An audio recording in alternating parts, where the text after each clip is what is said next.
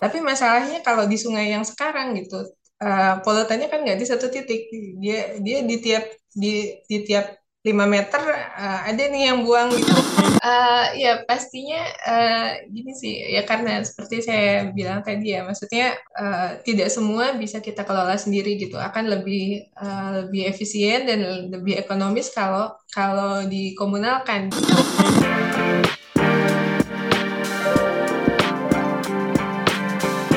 Hai sahabat TCID, kalian sedang mendengarkan podcast Suara Akademia Ngobrol seru isu terkini bareng akademisi. Halo Sobat ICID, selamat datang di podcast Suara Akademia. My name is Muhammad Syarif, saya adalah uh, podcast produser dari The Conversation Indonesia. Dan di episode kali ini kita akan membicarakan sebuah hal yang bisa dibilang sih simple tapi ternyata punya dampak yang lumayan besar buat kehidupan banyak orang gitu. Um, kita berbicara soal limbah nih ya Sobat ICID mungkin orang itu tuh banyak yang beranggapan bahwa limbah itu hanya sekedar sampah atau mungkin limbah industri or ya hal-hal yang memang identik banget dengan sampah yang memang biasa dibuang gitu. Tapi ternyata dari sebuah artikel yang ada di theconversation.com yang bisa kamu baca di chapter lingkungan, di Indonesia itu tuh ada satu apa ya, pengelolaan jenis limbah yang sepertinya harus diseriusi lagi gitu. Karena pengolahannya sedikit, pencemarannya banyak dan ternyata ini justru menunjukkan bahwa pengelolaan limbah yang satu ini itu masih bisa dioptimalkan lagi, masih bisa diperbaiki lagi. Kita akan berbicara soal air limbah di Indonesia dan hari ini kita sudah tersambung via Zoom. Sudah ada Mbak Widya Rani dari BRIN yang akan ngobrol sama kita soal pengelolaan air limbah di Indonesia. Halo Mbak Rani, apa kabar? Halo, kabar? Baik. Nah, uh, Mbak Rani, mungkin pertanyaan pertama nih ya, um, buat orang awam kayak saya gitu, buat orang awam yang mungkin masih berpikir bahwa limbah tuh ya cuma limbah plastik, limbah industri gitu ya, atau um, limbah tekstil. Nah, air limbah ini sebenarnya limbah yang kayak gimana sih, Mbak? Oke, sebenarnya limbah itu kan uh, macam-macam ya. Ada ada limbah cair, limbah padat, uh, dan limbah gas.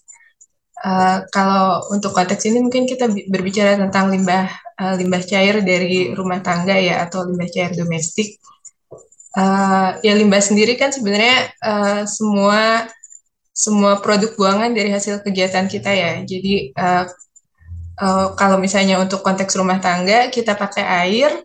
Nah sesudah si air itu uh, misalnya kita pakai mencuci atau uh, kita kita minum lalu kita uh, buang air gitu.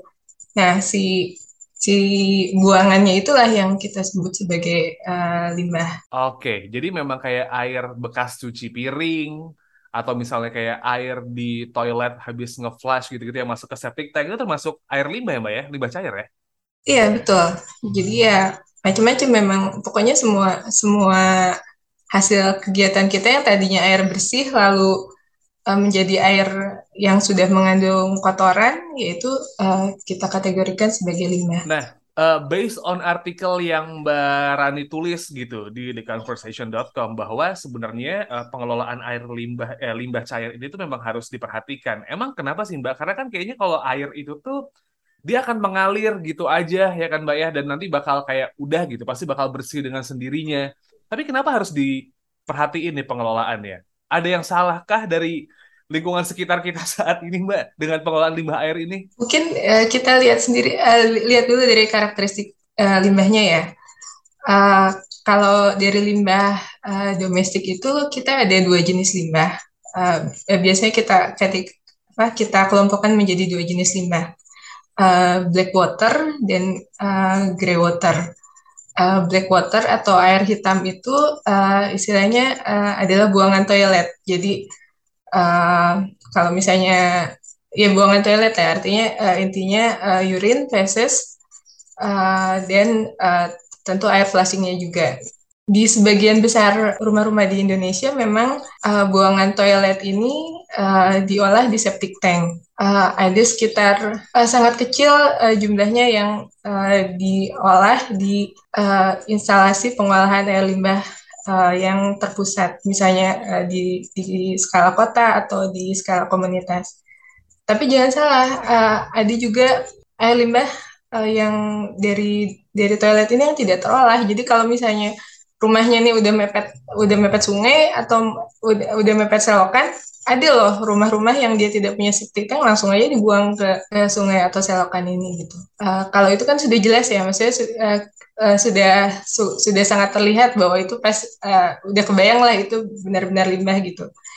Uh, tapi yang lain juga uh, seperti tadi buangan uh, buangan cuci piring, buangan uh, cuci baju, atau kita cuci tangan di wastafel gitu. Itu juga masih dikategorikan sebagai limbah. Kenapa? Karena dia mengandung uh, mengandung deterjen mengandung uh, kotoran uh, dari hasil kita cuci tangan segala macam itu. Dan itu kalau misalnya masuk ke sungai atau ke uh, selokan uh, itu juga bisa mempengaruhi karakteristik uh, selok uh, air di selokan itu juga kehidupan uh, akuatik di dalamnya. Oke, jadi memang ada dua jenis limbah. Tadi ada black water sama grey water ya, Grey ya? water, iya. Nah, tadi kan kalau memang um, black water itu yang memang sudah masuk ke tadi limbah-limbah yang ada di toilet gitu ya, kayak tadi iya. misalnya yeah. feses, urin gitu. Grey water hmm. tadi mungkin yang kayak misalnya limbah cuci tangan gitu-gitu atau yang gimana nih? Mungkin bisa diperjelas. Iya, yeah, betul.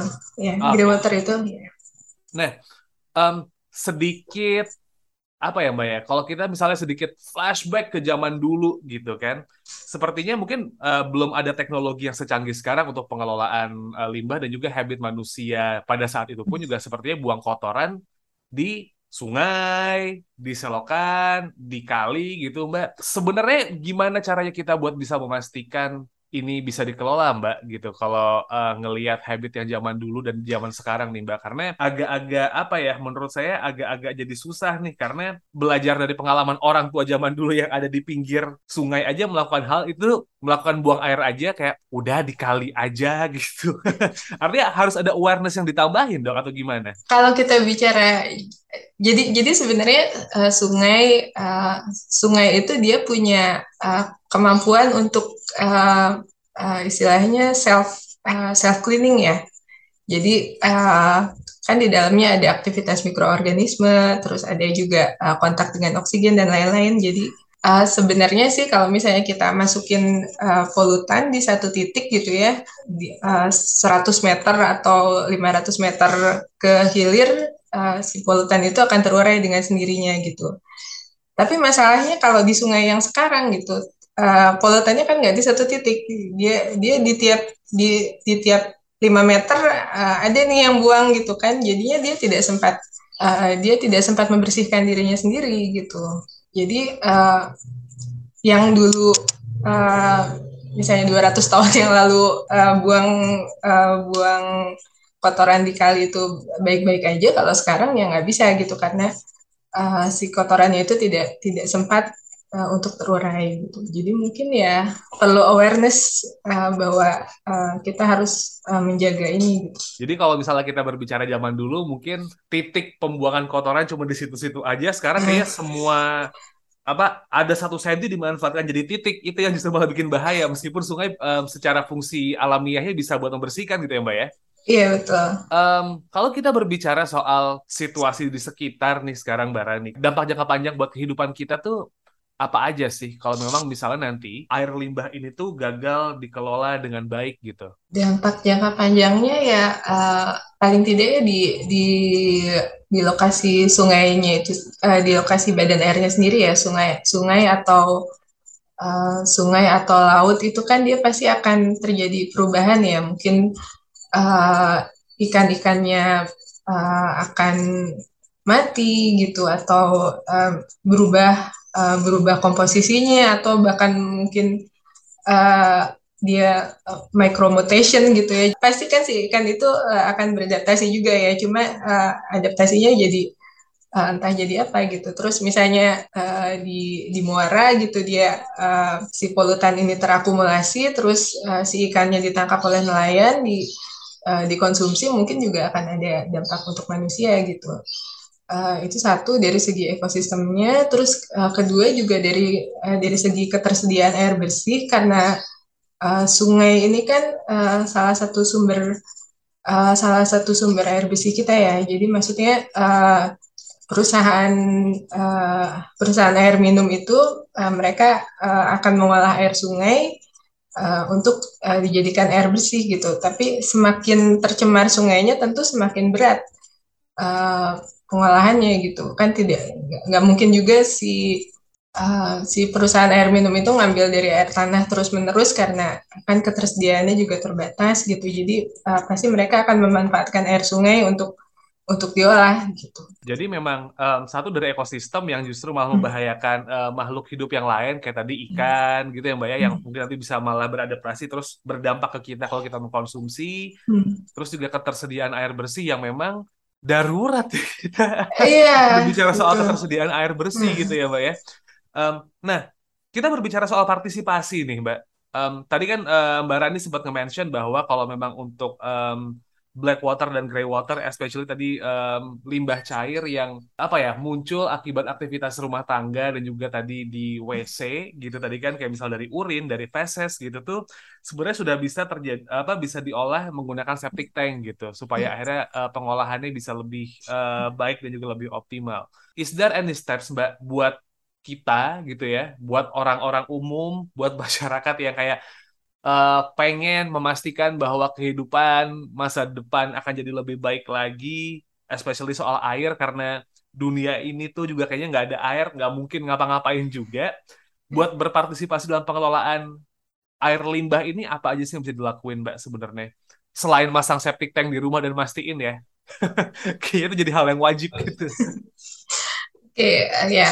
Uh, pertama mungkin uh, si septic uh, ya mungkin salah satu langkah awal yang baik ya uh, menginstal septic tank itu karena seperti saya bilang tadi kan bahkan ada uh, bahkan ada rumah-rumah uh, yang uh, septic tank aja nggak ada gitu. Jadi uh, pertama ya uh, usahakan ada ada septic tank uh, dengan spesifikasi yang benar karena kadang-kadang uh, kan kalau uh, mungkin ada uh, tukang bangunan yang kayak cuma bikin uh, bikin ruangannya aja gitu tapi nggak nggak sesuai dengan spesifikasinya uh, terus juga septic tank itu harus uh, dikuras uh, secara uh, secara teratur untuk memastikan bahwa uh, memastikan uh, pengolahan di dalamnya berjalan dengan baik uh, mungkin kalau dari segi uh, dari segi black water seperti itu. Kalau dari grey water uh, memang agak sulit ya karena kalau misalnya kita mau bikin pengolahan grey water uh, di di rumah itu kan butuh lahan ya. Uh, di rumah-rumah uh, di rumah-rumah tangga. Maksudnya uh, ya untuk bikin septic tank saja sudah sudah sudah butuh lahan gitu kan. Apalagi untuk untuk uh, untuk ditambah pengolahan grey water uh, pasti butuh uh, butuh lahan lagi gitu. Tapi ya mungkin kalau kalau memungkinkan sih mungkin bisa di komunitasnya gitu atau um, mendorong pemerintah duh, agak agak idealis ya mendorong pemerintah kota untuk uh, untuk untuk bikin pengolahan uh, komunal atau atau terpusat gitu. Sebenarnya secara nggak langsung nih Mbak Rani, penggunaan air dari kitanya sendiri as individu, as a group atau mungkin as a whole itu juga ada dampaknya dong dalam uh, apa ya pengelolaan air limbah ini. Kan tadi Mbak uh, Rani bilang bahwa volume air yang ada itu juga mempengaruhi soal gimana caranya kita mengelola, yeah. gitu ya? Iya, jadi kan uh, kalau dari dinas PU ya untuk uh, daerah perkotaan itu uh, konsumsi standar air itu sekitar 120 liter per orang per hari. Uh, itu buat buat uh, minum, buat masak, buat nyuci, buat nyuci baju, buat nyuci piring segala macam gitu. Tapi uh, kalau dari literatur yang saya dapat itu uh, uh, bisa jauh lebih tinggi gitu. Rata-rata uh, sekitar 170 liter per hari bahkan ada yang di atas 200 gitu. Ini per orang ya. Mungkin kalau misalnya di, di perkotaan mungkin sama nyuci sama nyuci mobil nyuci apa gitu. Nah ini kan uh, itu seperti saya bilang kan uh, volume volume ini kan uh, akan mempengaruhi jadi semakin semakin banyak air yang harus diolah, dia akan membutuhkan lahan yang lebih besar. Kalau misalnya kalau misalnya diolah, dia akan membutuhkan lahan yang lebih besar untuk mengolahnya gitu.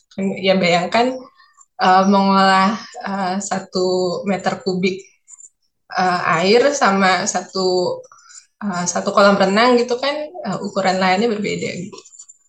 Jadi kalau misalnya kita bisa mengurangi dari sisi konsumsi, uh, itu juga akan membantu menurunkan uh, dampak dari limbah ini. Berikutnya nih Mbak uh, Rani, kan kebutuhan orang juga akhirnya makin di sini makin tinggi nih Mbak. Mm. Artinya memang kalau kita berbicara soal konsep ideal nih, kita berbicara mm. soal hal-hal yang memang sepatutnya dilakukan gitu. Mm. Peranan pemerintah untuk menyediakan lokasi pengelolaan air limbah ketika sekarang demand penggunaan air tuh makin gede, kudu diseriusin dong Mbak. Atau justru malah ada gabungan partisipasi masyarakatnya aware, pemerintahnya juga ikutan uh, mengelola gitu.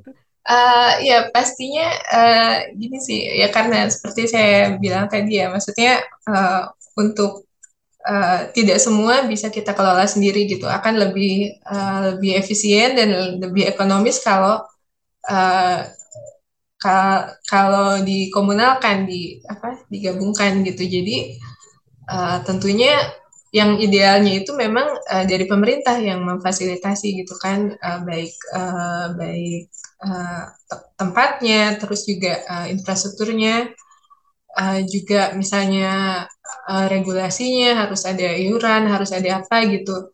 Tentunya uh, pemerintah yang paling paling bertanggung jawab paling paling punya kapasitas untuk melakukan itu gitu tapi uh, pada praktik ini memang hanya ada uh, eh, 12 atau 13 kota yang punya uh, pengolahan limbah terpusat gitu. Kebanyakan uh, di jalan tengahnya adalah uh, pengolahan secara komunal. Ini uh, inisiasinya uh, ini didorong juga oleh uh, PU uh, juga uh, bekerja sama dengan uh, LSM dan lain sebagainya gitu. Oke, jadi memang harus bekerja bareng-bareng ya, nggak cuma kayak um, kelompok daerah mana habis tuh hmm. udah daerah sini enggak jadi emang hmm. karena semuanya harus dikerjain bareng-bareng mikirnya juga bareng-bareng ya iya betul nah ini kan kita udah berbicara soal tadi uh, bahayanya apa, habis juga gimana cara mengelolanya, tadi septic tank, melakukan dengan komunal, meng, apa namanya, mencari tempat buat pengelolaan limbah terpusat, bahkan pemerintah juga mungkin bisa ikutan.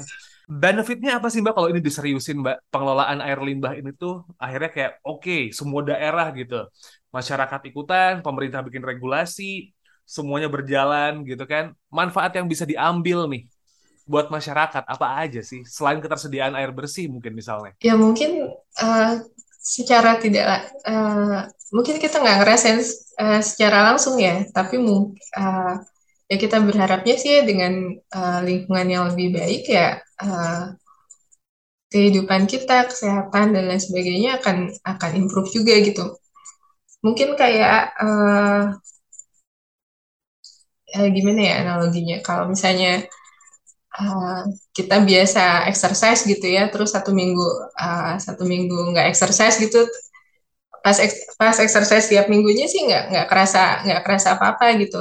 Tapi ketika nggak exercise, uh, tau-tau kerasa lemes gitu. Mungkin ini sebaliknya gitu, ketika kita ngerasa hidup kita biasa-biasa aja gitu, tapi ternyata uh, ternyata setelah air limbah uh, dikelola dengan lebih baik, ternyata oh ternyata lebih enak ya gitu mungkin mungkin seperti itu ya. Kalau misalnya kitanya nggak ngelihat nggak ngelihat nggak ngelewatin sungai tiap hari mungkin nggak kerasa secara langsung tapi uh, tapi ada gitu perubahannya.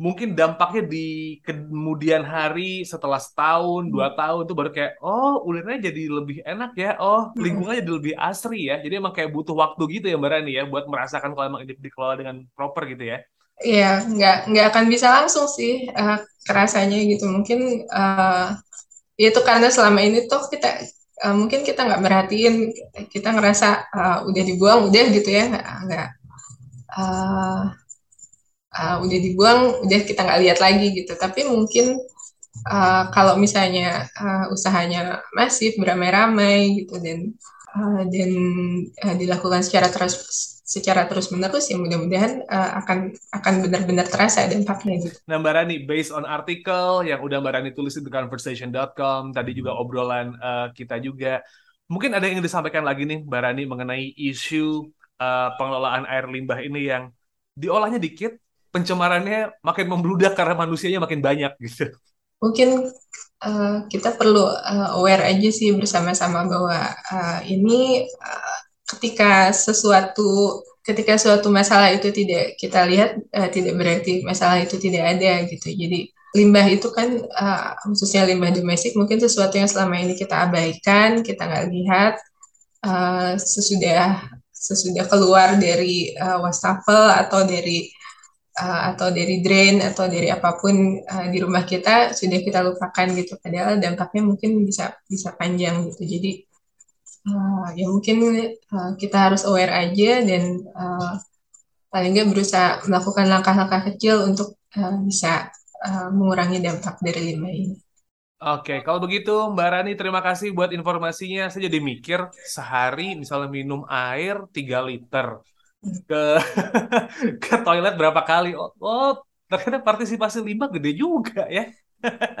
buat limbah cairan gini. Mbak Rani terima kasih uh, untuk waktunya dan juga buat sobat isi ID yang pengen tahu artikel-artikel menarik lain dari isu lingkungan, kesehatan, politik dan masyarakat, anak muda, sains, semuanya itu ada di website kami theconversation.com yang bisa kamu baca artikelnya. And also don't forget to follow our social media at conversation eh, at conversation IDN itu di Twitter, di Instagram, di TikTok semuanya bisa di follow. Saya Muhammad Syarif as podcast producer dari The Conversation Indonesia mengucapkan terima kasih sudah mendengarkan. Kita ketemu lagi di episode-episode berikutnya.